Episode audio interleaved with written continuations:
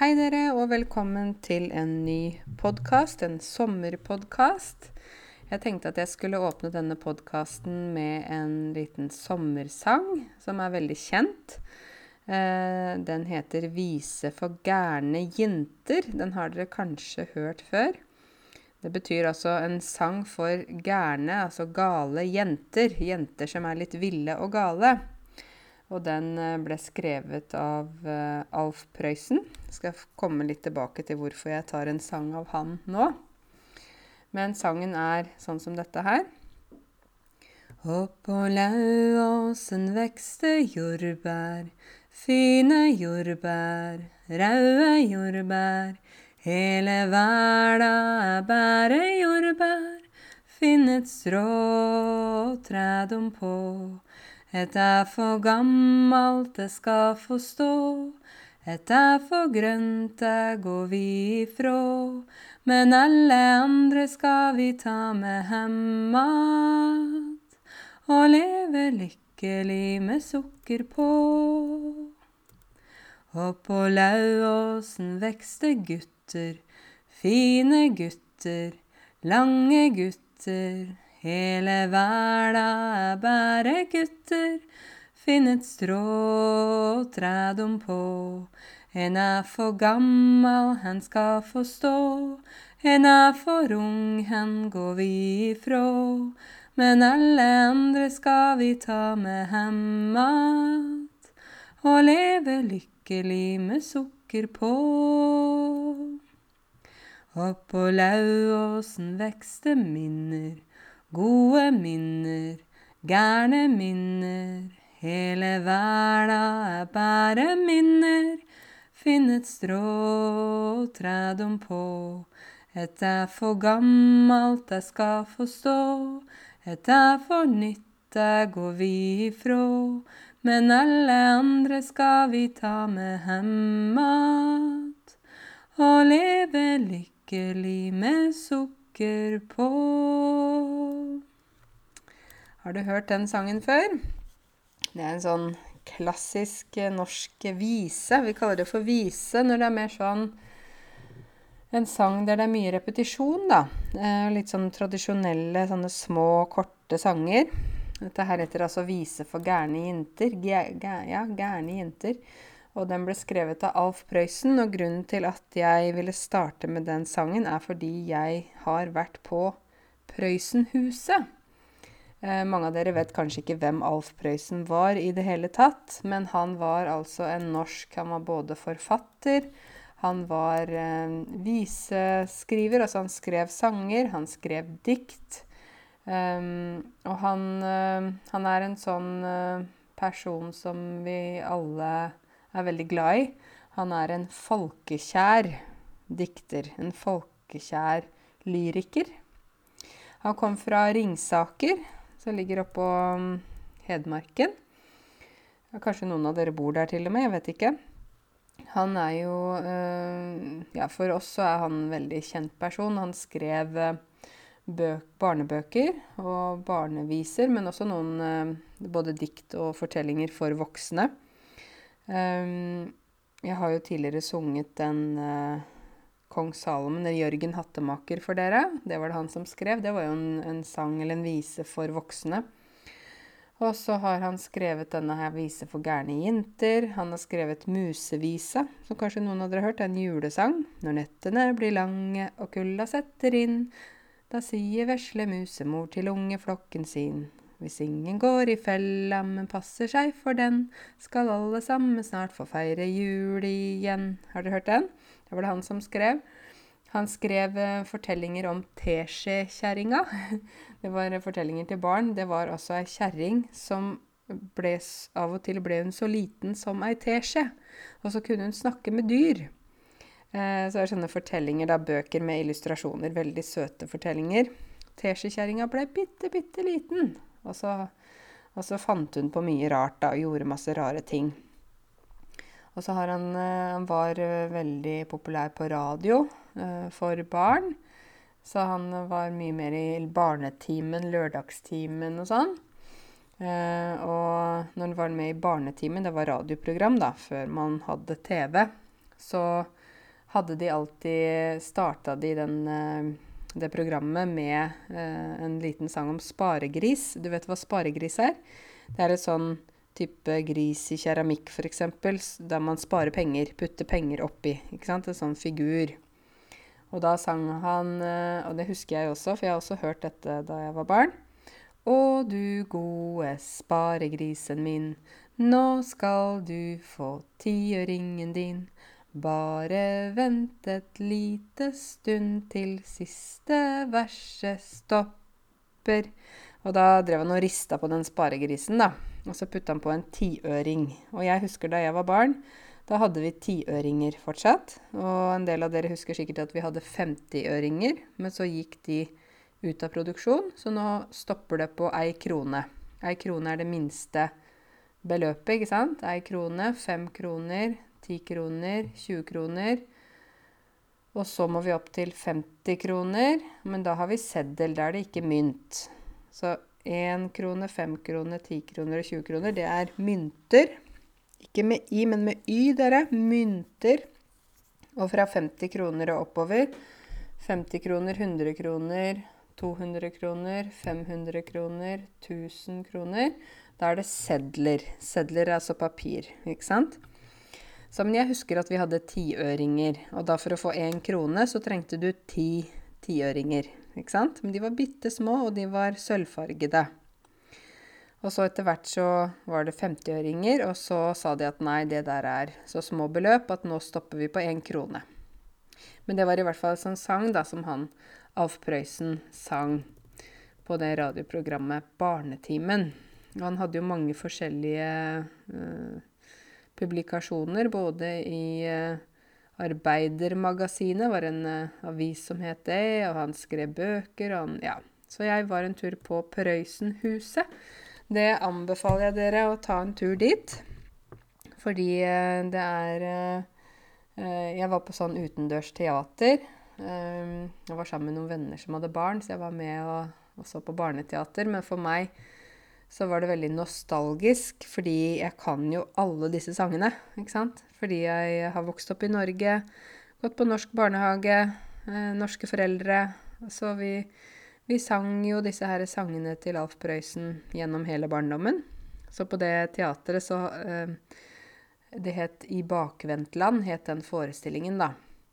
Og det er en sang som handler om barn som bor i et land der alt er bakvendt. Altså det betyr at alt er motsatt.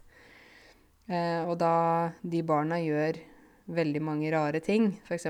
de har skolesekken på magen, og de, eh, når de går til tannlegen, så får de sukkertøy, altså det betyr godteri. De får godteri. og og leksa deres, det er å synge tralala. De har ikke noe lekse, så det er Bakvendtland, da. Så den eh, teaterforestillingen jeg var på, het Bakvendtland. Og da kom de innom veldig mange sånne klassiske Alf Prøysen-sanger, da. Lillebror, for eksempel. Lillebror synes det er så trist, fryktelig trist, sikkert og visst. Alle de andre har gått av sted, og uten at han fikk bli med. Men når de så kommer hjem igjen, ja, hvem er det da som kan helt slippe skjenn? Skjenn betyr kjeft, altså at noen blir sinte. Det kan bare lillebror, og bare, bare han. Det er det bare lillebror og ingen fler som kan. Det er en sånn fin sang om lillebror. Eh, og så er det Helene Harefrøken, og det er eh, en fortelling om geitekillingen som kunne telle til ti. Ja. Så hvis dere har tid til å dra til Alf Prøysen-huset, som ligger på Ringsaker, altså kanskje en halvtime fra Hamar, så anbefaler jeg dere å gjøre det. Det var veldig fint. Så hadde de god middag der. Du vet, når du reiser rundt i Norge, så er det jo veldig mye forskjellig eh, kvalitet eh, på restauranter, og det er mange steder der det virkelig ikke er så veldig mange alternativer. Og for meg som er vegetarianer, så blir det ofte litt vanskelig hvis jeg skal gå på restaurant på bygda.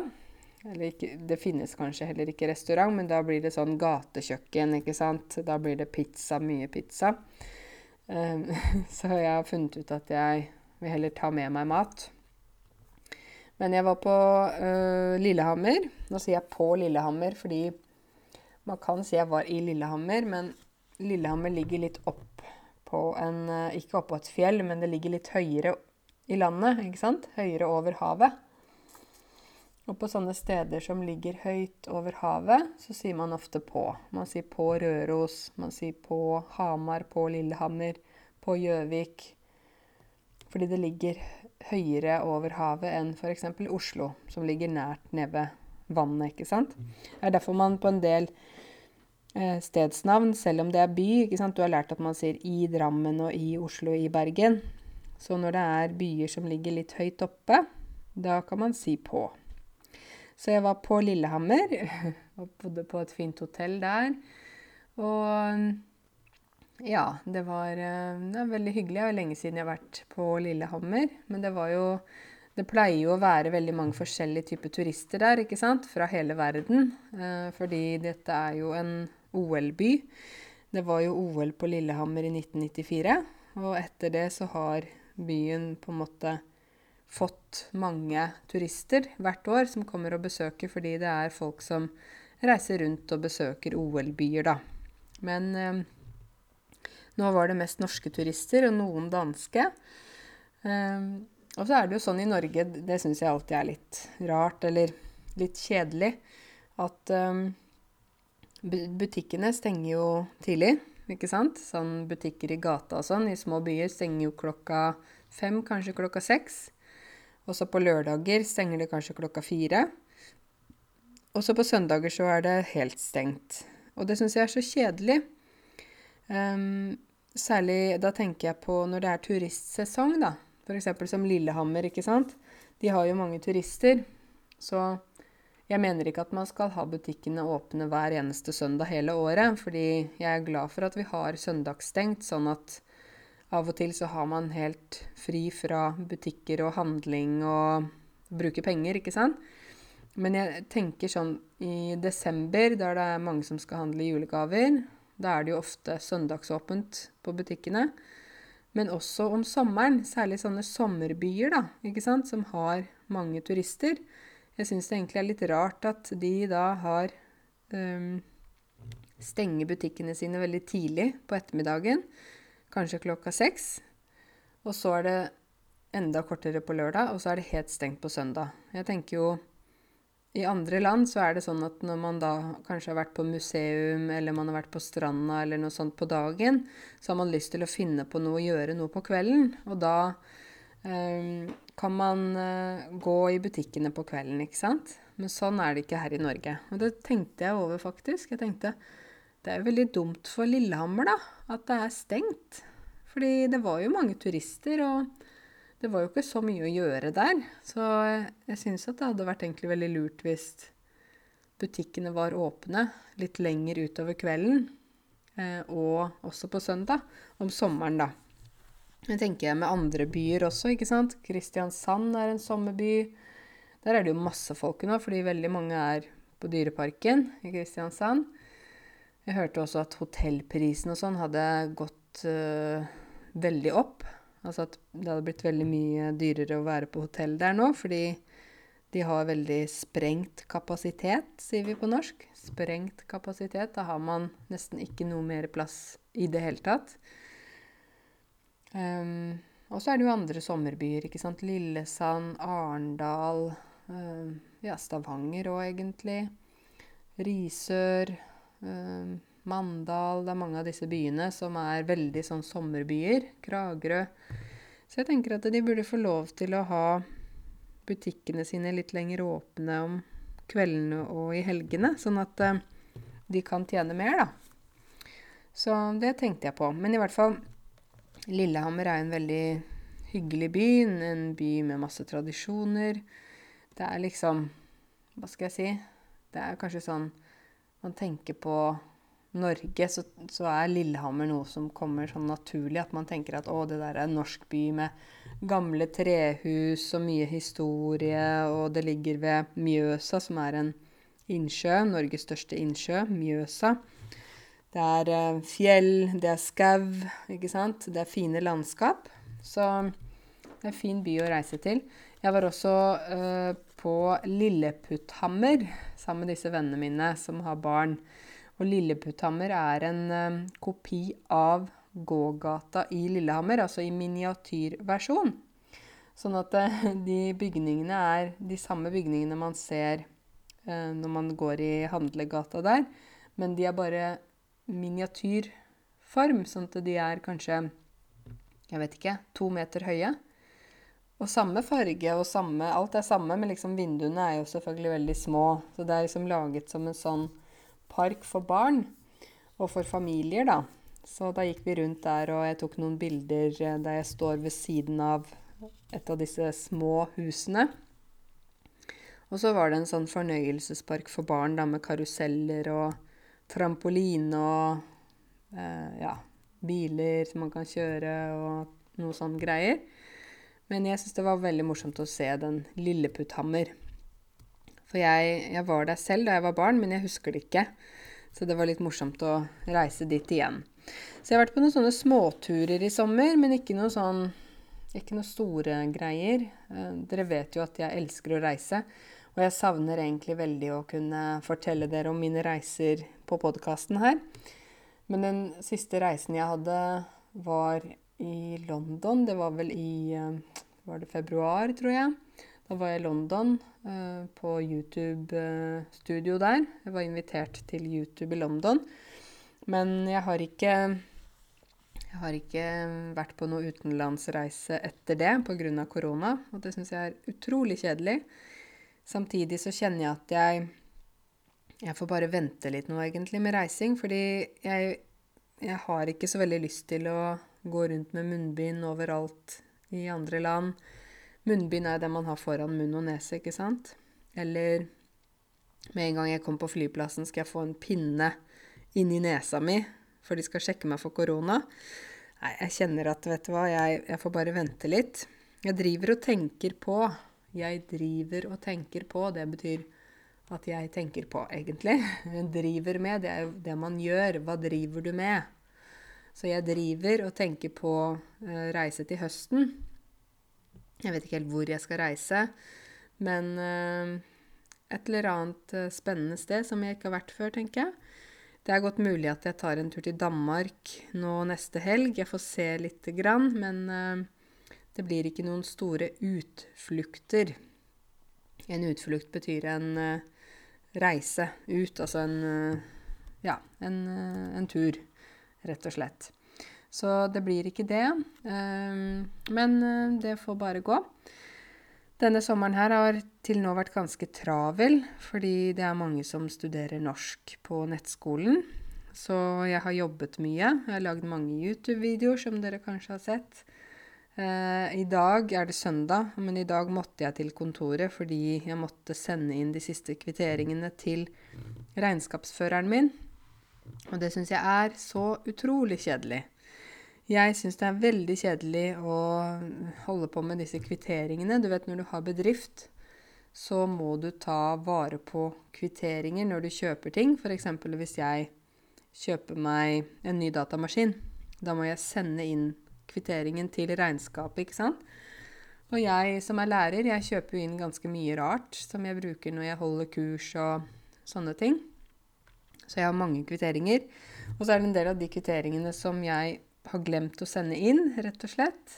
Og som uh, regnskapsføreren nå ville ha. For hvis jeg ikke sender inn de kvitteringene, da blir de kjøpene registrert som lønn, selv om jeg ikke har fått noe penger. Sånn at jo flere kvitteringer jeg klarer å fremskaffe Fremskaffe betyr å få tak i. Jo øh, jo øh, mindre lønn må registreres. Skjønner du? Så la oss si jeg har 10 000 i kvitteringer som jeg ikke har sendt inn. Da vil det registreres som lønn på meg. Og det er negativt for meg, fordi da må jeg betale skatt av det, og da får jeg på en måte høyere inntekt, selv om jeg ikke har uh, fått lønn. Så jeg har uh, drevet og kontaktet forskjellige firmaer og har du kvittering på det, og kan du gi meg kvittering på det jeg kjøpte da og da? Ah, det er veldig kjedelig jobb. Jeg syns det egentlig er utrolig kjedelig. Men jeg måtte da på kontoret i dag for å ordne med det. Så det har jeg gjort, og nå er jeg ferdig med det. Gudskjelov. Gudskjelov. Gud skje lov. Det betyr Takk for det, egentlig, betyr det. Det er egentlig ikke gudskjelov, det er Gud skje lov. Gudskjelov blir det når jeg sier det fort.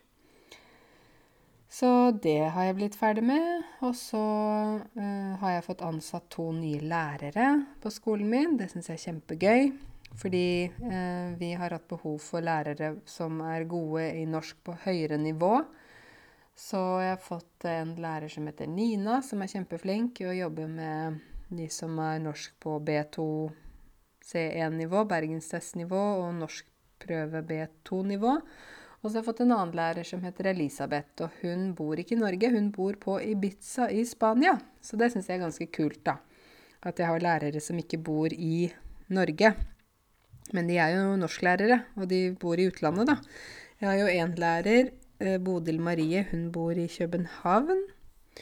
Og så har jeg en annen lærer, Thea. Hun bor på Gran Canaria. Og nå har jeg også fått en tredje lærer, Elisabeth, som bor på Ibiza. Så det er veldig kult. Um, jeg tenker jo at uh, for meg så er det viktig at uh, lærerne er dyktige norsklærere, og at de har gode kvalifikasjoner når det gjelder dette her med grammatikk, eh, syntaks Altså dette med å kjenne til struktur i setningene. Eh, dette med å kunne forklare folk, særlig de som kommer på høyere nivå, og hjelpe de videre. Fordi eh, man kan alltid bli bedre i norsk, ikke sant. Eh, men når man kommer opp på et høyt nivå, da krever det at læreren også er på et høyt faglig nivå, hvis dere forstår.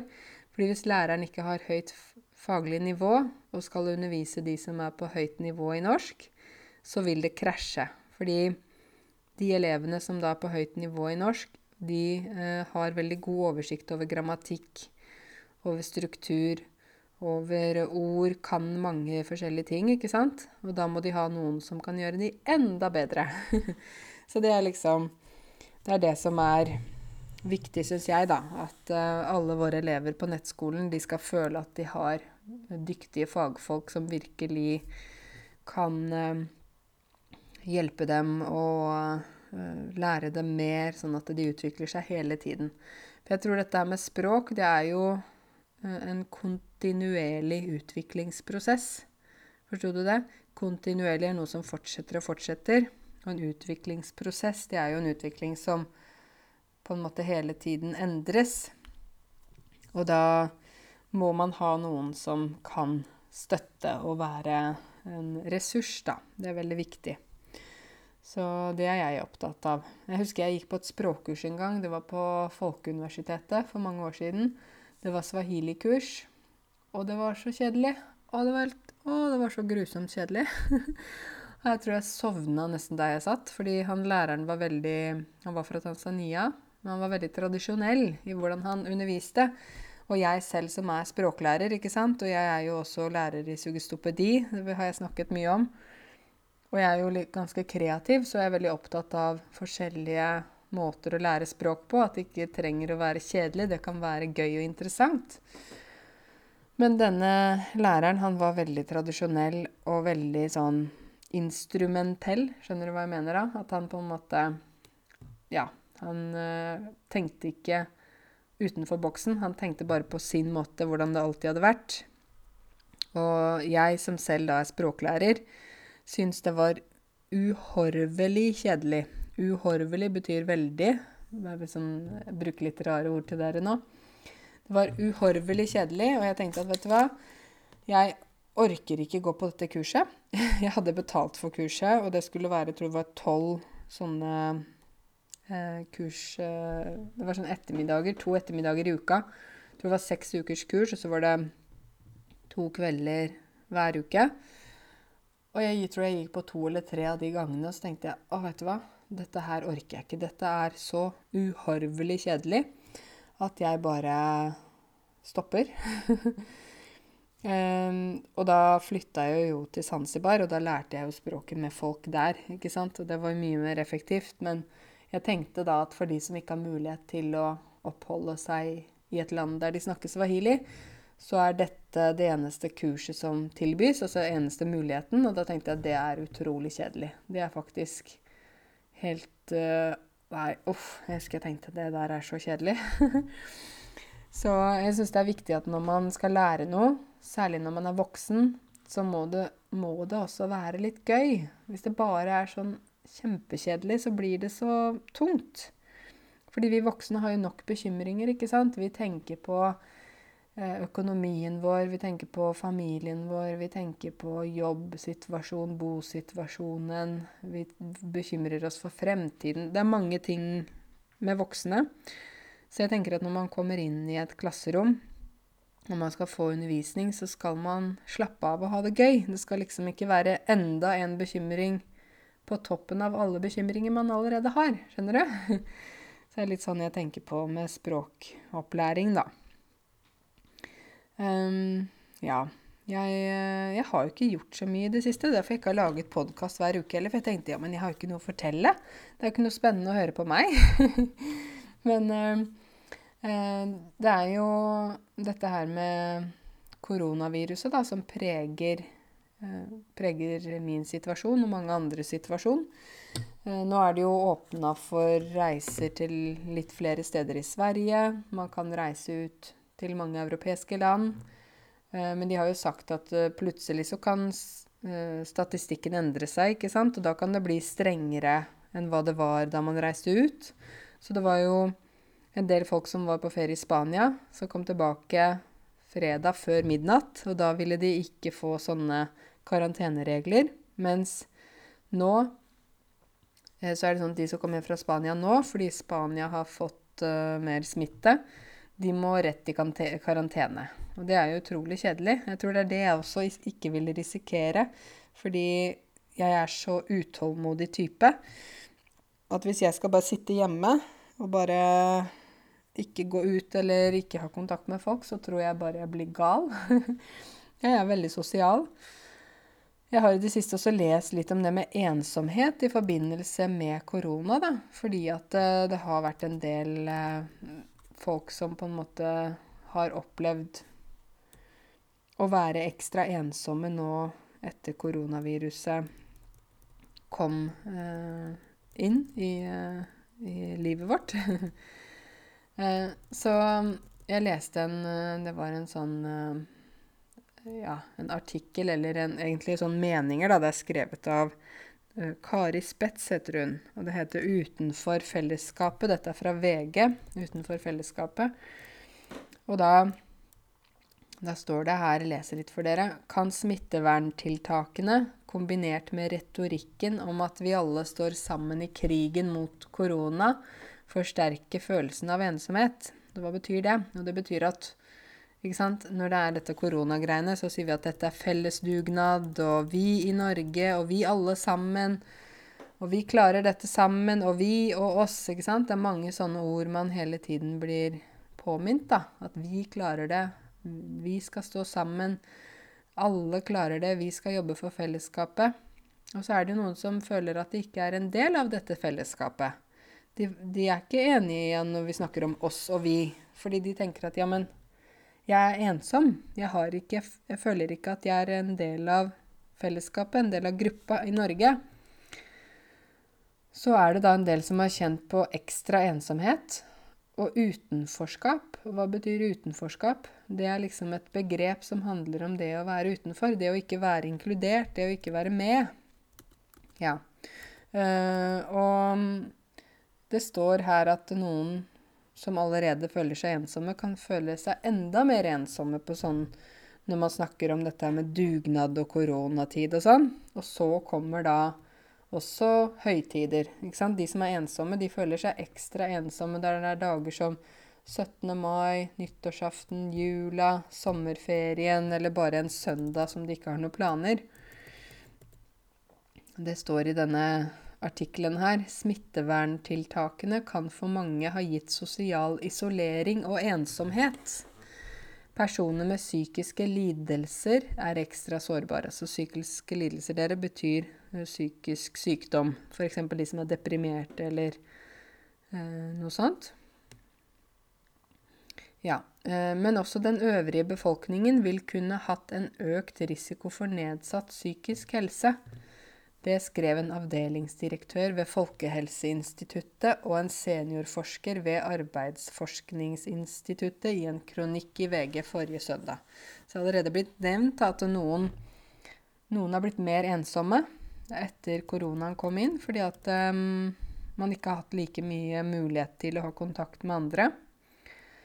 Uh, og det er jo interessant å se på at OK, vi har koronaviruset som skaper fysiske Eh, problemer hos mange, og noen dør av det.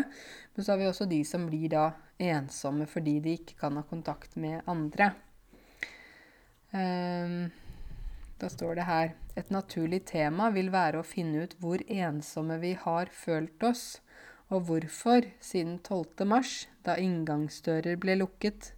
Altfor mye dopapir ble dyttet inn i skap og skuffer, og det ble bare stille. Husker dere det? At det var sånn eh, dopapirhamstring. Eh, liksom mange gikk og handla masse dopapir, og så lukka vi døra og var inne.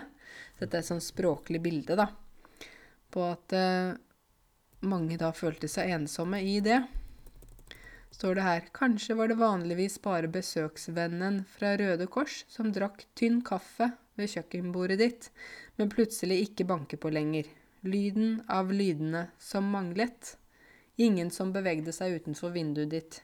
Du satte på deg høreapparatene og skrudde på radioen. En stemme sa at man måtte bare være nær mennesker i sin egen husstand. Dette er for gamle folk ikke sant, som er alene, f.eks. en enke eller en enkemann. De som da har mistet sin uh, ektefelle, og som er mye alene. Eh, da blir dagene lange. Det blir eh, mye ensomhet. Det blir eh, tid vi kaller for dødtid. Dødtid er sånn tid som du ikke bruker til noe, som ikke har noen funksjon. Og da er det kanskje noen som har blitt enda mer ensomme fordi de da har vært alene, hatt lite besøk, lite kontakt med andre fra før, men nå var det blitt da enda mer. Og det er, det er veldig ensomt å ha det sånn. Eh, men så er det jo også en del folk i Norge som er ensomme, og det kan jeg godt forstå, fordi vi har jo et land der folk ikke er spesielt sosiale mot nye mennesker. Det er ikke lett å få venner her, og i hvert fall ikke nye venner. Det er ikke lett som voksen å komme hit og få et nettverk. Um, så når hele samfunnet da stenger ned, og hvis man ikke har et nettverk her og ikke har noen man kan ringe, så blir det ekstra ensomt. Eh, jeg tenker jo at eh, det å bare ha kontakt med folk over telefon og sånn er tøft. Vi trenger egentlig å ha den fysiske kontakten. Vi trenger å eh, ha, se andre. Vi er sosiale vesener, vi mennesker. Vi trenger sosial omgang, de fleste av oss. Eh, og det står her det står det kanskje koronaen fikk frem følelser i deg som du aldri har kjent på før. Uansett om du satt innestengt alene eller hadde mennesker i din bostad, altså at du bodde sammen med noen. Morgenmøter på hjemmekontoret, på skjermen prater kollegaen og han er normal, og du tenker bare 'er jeg gal'? Om natten i drømmene dine roper Bent Høie, det er jo helseministeren vår, dere, 'dugnad, dugnad, dugnad', og lederen din jubler over at alle strekker seg ekstra langt og løfter hverandre. Men du er ubrukelig, verken strekker eller løfter, du hører ordet fellesskap, men føler deg bare fremmedgjort.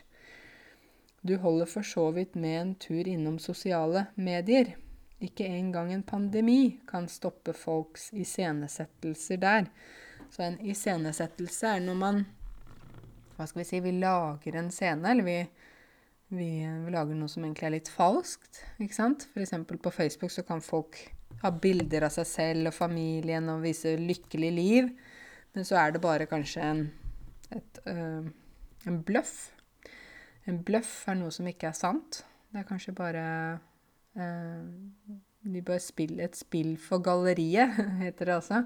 Spill for galleriet betyr at man uh, på en måte viser noe til andre, men at man har egentlig ikke noe hensikt med det man driver med. Det er bare for å underholde andre. Um, ja.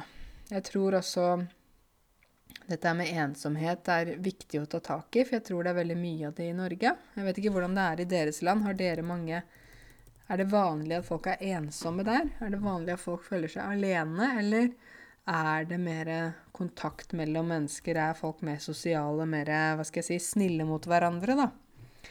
Um, jeg opplever jo også at uh, nordmenn vil ikke ha kontakt med andre. ikke sant? Og man kan jo ikke tvinge liksom Nei, du må være sosial, du må komme på besøk, du må ikke sant? Man må jo faktisk la folk få lov til å være alene hvis de vil det.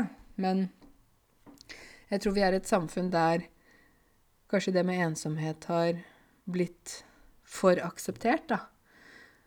At uh, det å være alene Nei men, nei, men du har bare deg selv, og du må ikke stole på noen, for du du har bare deg selv. Du er født alene, og du dør alene. Det er en sånn tankegang her som gjør at man skal liksom klare alt selv. Man skal ikke vise at det, eh, man kanskje føler seg alene, eller snakke høyt om det, eller Og det syns jeg er litt trist, for jeg tror det er mye av det. Kanskje mange av dere har følt dere ensomme også, hvis dere har flyttet hit alene, eller prøvd å få venner, prøvd å få kontakter, og så får du ikke kontakt med noen, ikke sant, da kan man fort føle seg veldig ensom. Jeg skulle jo virkelig ønske at folk var mer åpne. Um, jeg tenker at det prøver i hvert fall jeg. Uh, når jeg møter noen nye folk, eller jeg sitter på bussen, eller ja, hva som helst, så pleier jeg å si hei. Jeg pleier gjerne å starte en samtale. Jeg er ikke redd for å bli kjent med nye folk. Fordi jeg tenker at uh, liksom, man, man, kan i hvert fall være hyggelig mot andre. Det skader ikke. Det koster ingenting. Det er eh, frivillig. um, og jeg har egentlig aldri opplevd at hvis jeg har vært hyggelig mot andre, og at jeg har fått mye dårlig tilbake, egentlig. Jeg opplever da bare at de også er hyggelige mot meg. At vi er, møter hverandre og er snille mot hverandre. Så det er jo noe jeg syns er veldig viktig medmenneskelighet, det med at vi passer på hverandre og tar vare på hverandre, syns jeg er veldig viktig. Men som jeg har sagt før, og som jeg sier igjen, det er jo dette med i Norge Hvis man skal få et nettverk, så må man selv være aktiv. Man må selv gå ut. Man må selv delta på aktiviteter. Man må selv gjøre ting for å bli kjent med andre. De kommer ikke til deg, dessverre. Det er trist, men det er sånn det er. Og det er liksom ikke noe Jeg skulle ønske at det var annerledes, men, men det er det er bare sånn det er. Så da anbefaler jo jeg at man blir med på en organisasjon, eller blir med på frivillig arbeid, blir med på noe sport. Uh, Røde Kors, jeg vet ikke. Et eller annet sånn. Sånn at man liksom kan uh, få et nettverk på den måten der, da. Her i Norge så må folk møtes på en organisert måte. De kan ikke bare møtes. Jeg skal lese litt fra den. Husker dere den derre 'Norges uskrevne lover'? Den boka jeg nevnte forrige gang. Jeg skal lese litt her om venner, og dette er da venner i Norge, da. Ok, her er sånne, ikke sant? Dette er sånn uskrevne lover, altså ting som vi bare vet, men som ikke er skrevet ned noe sted, men vi vet det. Ok. Du skal si fra dersom vennen din bryter uskrevne lover uten å være klar over det. Typisk. Fargerik mat mellom tennene eller i ansiktet. Så her i Norge er det sånn, det er vel i mange land, at hvis du har spist salat, og så har du en salatbit mellom tennene, så må vennen din må si fra, så du ikke går rundt med salat i, i tennene eller på nesa eller ja. Eh, toalettpapir under skoen. Det må man huske på å si fra om. Flekk på et klesplagg. Hvis du har en flekk, eh, fått sølt på f.eks. skjorta di, så er det vanlig at noen sier 'du, du har en flekk der'. Det er jo ikke for å kritisere, men det er for å bare fortelle, sånn at man er klar over det. Buse utenpå nesa. Hvis man har en busemann, du vet sånn boogieman i nesa, da må man si det. Og dette gjør jeg faktisk selv også. Jeg eh, kan si til vennen min du, du, du tar papir på nesa di der. Du har en liten sånn Å, å ja, nei, nei, har jeg noe i nesa? Uff. Så blir de veldig flaue. Rusk i håret. Hvis du har noe greier i håret, så pleier venner å si fra her i Norge. Og hvis du har åpen buksesmekk. Hvis du har glemt å lukke igjen glidelåsen på buksa. Og disse tingene her sier da norske venner ifra om. Du har noe grønt mellom tenna, du har rusk i håret. Da får du beskjed. Og spesifikt for de feminine står det her skjørt som har hengt seg opp i strømpebuksa. Så hvis du har vært på do, og så henger skjørtet bak i strømpebuksa så alle kan se trusa di, da må man få beskjed. Leppestift på tennene, hvis man har tatt på seg leppestift og så har man litt rødt på tennene. Eller hull i strømpebuksa. Får man også beskjed om. Du, du har hull i strømpebuksa, kan jeg si til min venn. Spesifikt for menn lange hår eller loddotter i skjegget. Hvis man har noe sånn greier i skjegget, så får man beskjed om det. Matrester i skjegget, hvis man har noe mat i skjegget. Og glitter på klær eller kropp, hvis man har noe glitter. Kanskje man har gitt kona si en klem, og så hadde hun en glitrete topp, og så fikk man glitter på skjorta. Da får man beskjed. Du skal aldri si videre ting som er fortalt i fortrolighet. Altså, hvis noen sier til deg 'ikke si dette her til noen', dette er hemmelig, da er det veldig viktig at du holder på den hemmeligheten. For her i Norge er vi jo veldig tillitsfulle, og vi tenker at folk er både ærlige og til å stole på. Så hvis f.eks. noen kommer til meg og sier um, Du, Karensi, jeg må fortelle deg noe, men ikke si det til noen andre. Da stopper det hos meg. Da går ikke jeg og forteller det til andre. Skjønner du? Fordi den personen som forteller til meg, stoler på meg og vet at det, det som den forteller til meg, blir hos meg. Men så er det noen som da Det står her dersom du allikevel forteller det videre, skal du informere om at det er sagt i fortrolighet og ikke må sies videre. Så jeg gjør ikke det, men jeg vet noen gjør det. De sier ja, ikke si dette her til noen, sier de først. Ikke si dette her til noen. Men Marianne fortalte meg at hun skal uh, f.eks. flytte fra mannen sin, da. Ikke sant? Men det er veldig dumt, fordi da begynner man jo å fortelle hemmeligheter videre. Men det er noen som gjør det. Men generell regel, hvis noen sier til deg 'ikke si dette til noen', da skal du ikke si det videre. Da må du vise at du er til å stole på. En venn skal lytte ukritisk til alle frustrasjoner du deler med ham eller henne, står det her. Derfor skal du ikke dele absolutt alle frustrasjoner med gode venner, for da blir de lei. Så her i Norge så er jo folk, veldig mange folk er gode til å lytte. Så når du forteller og kritiserer og sånn, så lytter de veldig mye. Men hvis du bare er negativ, da, da blir det veldig kjedelig vennskap, fordi da, da kommer dere jo Da er det jo ikke noe hyggelig å snakke om. Det er bare klaging, ikke sant? Så man må ha en balanse, da. Om en venn spør om du kan hjelpe til med å flytte, skal du ha en særdeles god unnskyldning for ikke å stille opp. Etter fylte 35 kan man ikke spørre lenger, da må man bestille flyttebil. Så hvis man flytter som litt ung voksen, da forventer man at vennene er med og hjelper til. Men hvis man er 35 år eller mer, altså dette er jo ikke noe eksakt tall, men sånn hvis man er godt voksen, da, da må man bestille flyttebil. Da får du ikke spørre folk, for da har folk nok å gjøre. Hvis du spør venner om å hjelpe deg med å flytte, skal du gi et ærlig estimat på hvor mye tid det vil ta, og hvor mange store møbler som skal flyttes. Før de kommer, skal du også pakke ting ned i håndterbare esker og sørge for eventuelle transportmidler. Så du må, du må ikke be de om å hjelpe deg med å rydde og pakke, de skal bare hjelpe å bære ting inn i flyttebilen og videre. Etter flyttingen skal alle som har hjulpet til, få god mat, gjerne pizza med tilhørende drikke. Så da må man få litt for uh, jobben. Dersom flyttinger tar mer enn noen få timer, bør du heller leie inn et flyttebyrå. Om du ikke får hjelp av familien, men da gjelder det ingen tidsbegrensninger. Dette var altså for venner. En annen uh, uskreven lov her du kopierer ikke venners interiør. Så hvordan det ser ut hos din venn, da kan du ikke ha eksakt samme interiør. Du må ha din egen stil. Dere vet at nordmenn er veldig opptatt av interiør. Dersom du bor hos en venn, skal du fortløpende forsøke å rydde opp alt rotet du lager, og gjerne litt ekstra. Da skal du liksom ikke være i veien. Så jeg bodde hos en venninne i seks måneder en gang før jeg kjøpte min første leilighet. Og da var jeg veldig sånn Jeg rydda, rydda, rydda hele tiden. For jeg ville ikke være liksom en belastning for henne, da. det bare gjorde jeg automatisk. Nå sier jeg at dette her er jo ikke noe lover som dere må følge. Jeg bare sier hvordan nordmenn gjør det. Fra nordmann til nordmann, da. Annen lov her. Du gir ikke ungen din det samme navnet som vennen din ga sitt barn for bare noen få år siden. Så hvis min venn har et barn som heter eh, Benjamin, så kan ikke jeg, hvis jeg får en sønn, kan ikke min sønn hete Benjamin. For det navnet er allerede tatt. Det er okkupert. Kvinnelige venner som møtes og ikke har sett hverandre på lenge, kan hyle, hoppe og veive med armene.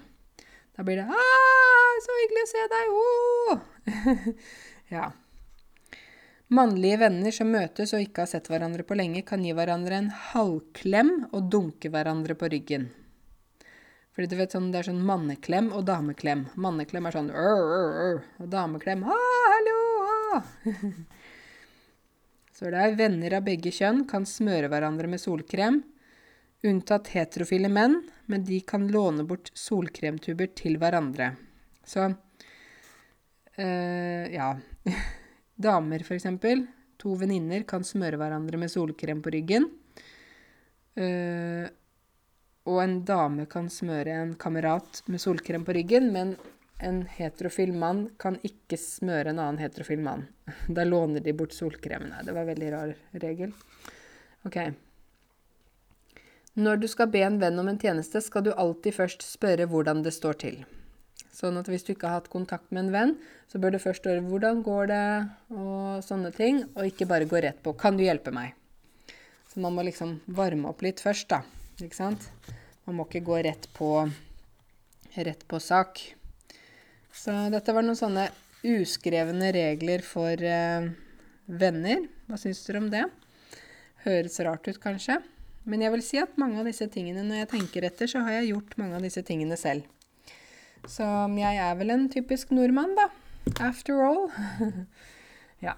Men dere, jeg håper at eh, hvis dere føler dere ensomme, at dere ringer noen. Ring noen dere kjenner. Ta, Snakk med noen. Ikke sitt inne, ikke isoler deg. Gå ut på tur, gjør noe, ikke sant.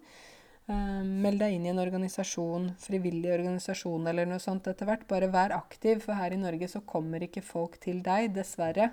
Du må gå til dem. Og det må være på en organisert måte. Og hvis dere har tid, som sagt, dra innom Prøysenhuset og Lillehammer og Lilleputthammer. Det var hyggelig å være der. Takk for at du hørte på. Vi høres snart igjen.